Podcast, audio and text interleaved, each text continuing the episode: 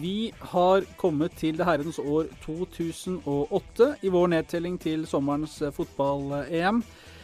Bertil Valdraug, den gang eh, skrivende, i skrivende tjeneste for Aftenposten. I dag en uh, tilbaketrukken redaktør som jobber mest i kulissene. Du skal hjelpe oss med å minnes mesterskapet i Sveits og Østerrike, som endte med spansk seier.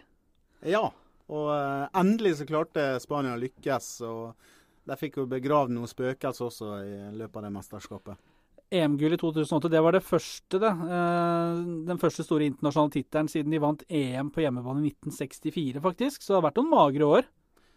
Ja, og det hadde alltid vært god, eller stort sett god, i, i kvalifiseringen til mesterskapet. Og så hadde det en tendens til å være verst når det gjelder i de store kampene. Før da de møtte Italia i, i dette europamesterskapet her, og klarte å ja, kvitte seg med det spøkelset jeg ja. nevnte. Eh, Fernando Torres, for de som husker han. Ble matchvinner eh, med sin skåring etter en drøy halvtimes spill mot, mot Tyskland. Eh, Spania også eh, ubeseira gjennom EM som første lag siden Tyskland i 1996. Og det var jo starten på en litt sånn spansk dominans, det her. Ja, det var det. Og det, jeg, jeg, tror det snudde mye da de slo Italia på straffekonk, og mm. Iker Casillas eh, redda to straffer i semifinalen mot Russland, som vi skal komme tilbake til litt seinere mm. her, eh, så var de helt suverene. I et øspøsende regnvær så vant de 3-0, og var da klar for finalen mot Tyskland. Norge eh, var ikke med i 2008, eh, og det var heller ikke England, som tapte 3-2 hjemme for Kroatia eh, og røk dermed ut. The Suns førsteside dagen etter var en sånn punktert engelsk ball som lå liksom i rennesteinen der. Det var sånn, eh, ganske symbolsk. Ja, det var det. Eh, og jeg tenker på, eh, Når du bruker sånne symbolske bilder, så tenker jeg først og fremst på den nederlandske totalfotballen. Mm. Fordi 442 hadde et stort oppslag om at uh, der de brukte uh, bilde av ei grav.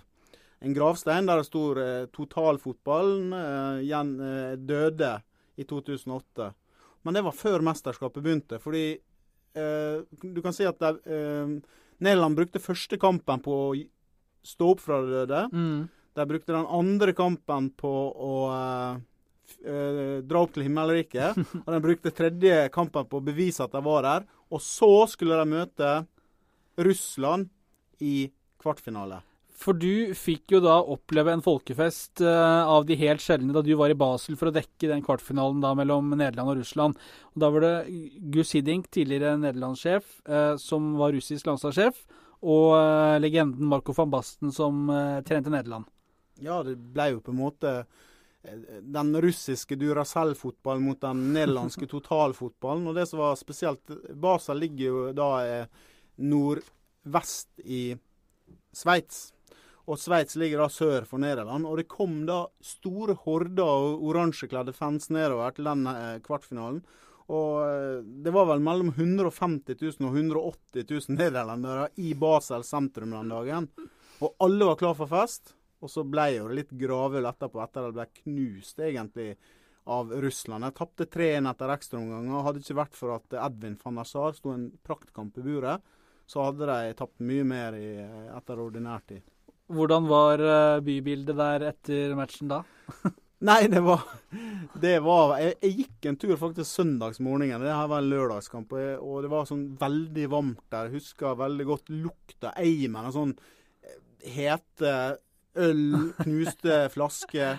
Det var, eh, det var, virkelig dagen på. Ja. Men jeg syns uansett at Nederland da fikk bevist at det gikk an å underholde. De spilte jo festfotball fotball før den kampen. Jeg tror de bomma litt på hadde drukket for lite vann og alt sånt. Det var veldig mm. hett og sånt. Men uh, Russland var jo gode. Og vi fikk jo en ny nummer ti, da.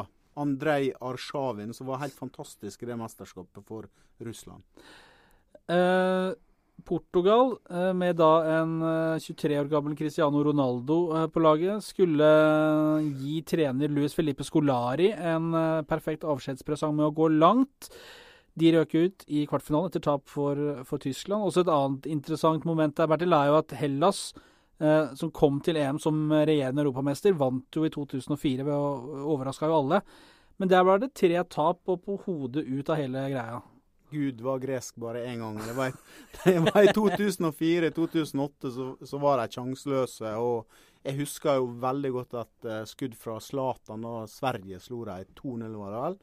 Eh, langskudd, fantastisk. Ja. Eh, og det var bra at Hellas ikke med sin såkalte antifotball skulle lykkes en gang til, da.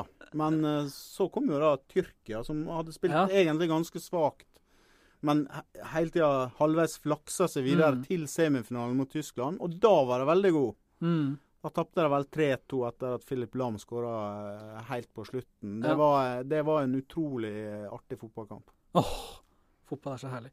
Eh, noe annet du har eh, tatt fram fra minneboka fra EM i 2008? Ja, nei, for meg fra EM 2008 så står den dagen, eller den helga i Basel med den kvartfinalen med den uh, oransje horde som det store høydepunktet. Så var det selvfølgelig artig, artig sånn sportslig at den tikka takka fotballen til uh, Spania endelig, endelig, lyktes. Og så var det starten på um, storhetstida til Spania med tre, tre gull etter hverandre. Og det var jo artig å følge Spania sin måte å spille fotball på. Det satte standarden for mm. flere år framover. Tusen takk for hjelpen, Bertil. Eh, neste stopp på vår eh, EM-reise er Polen og Ukraina.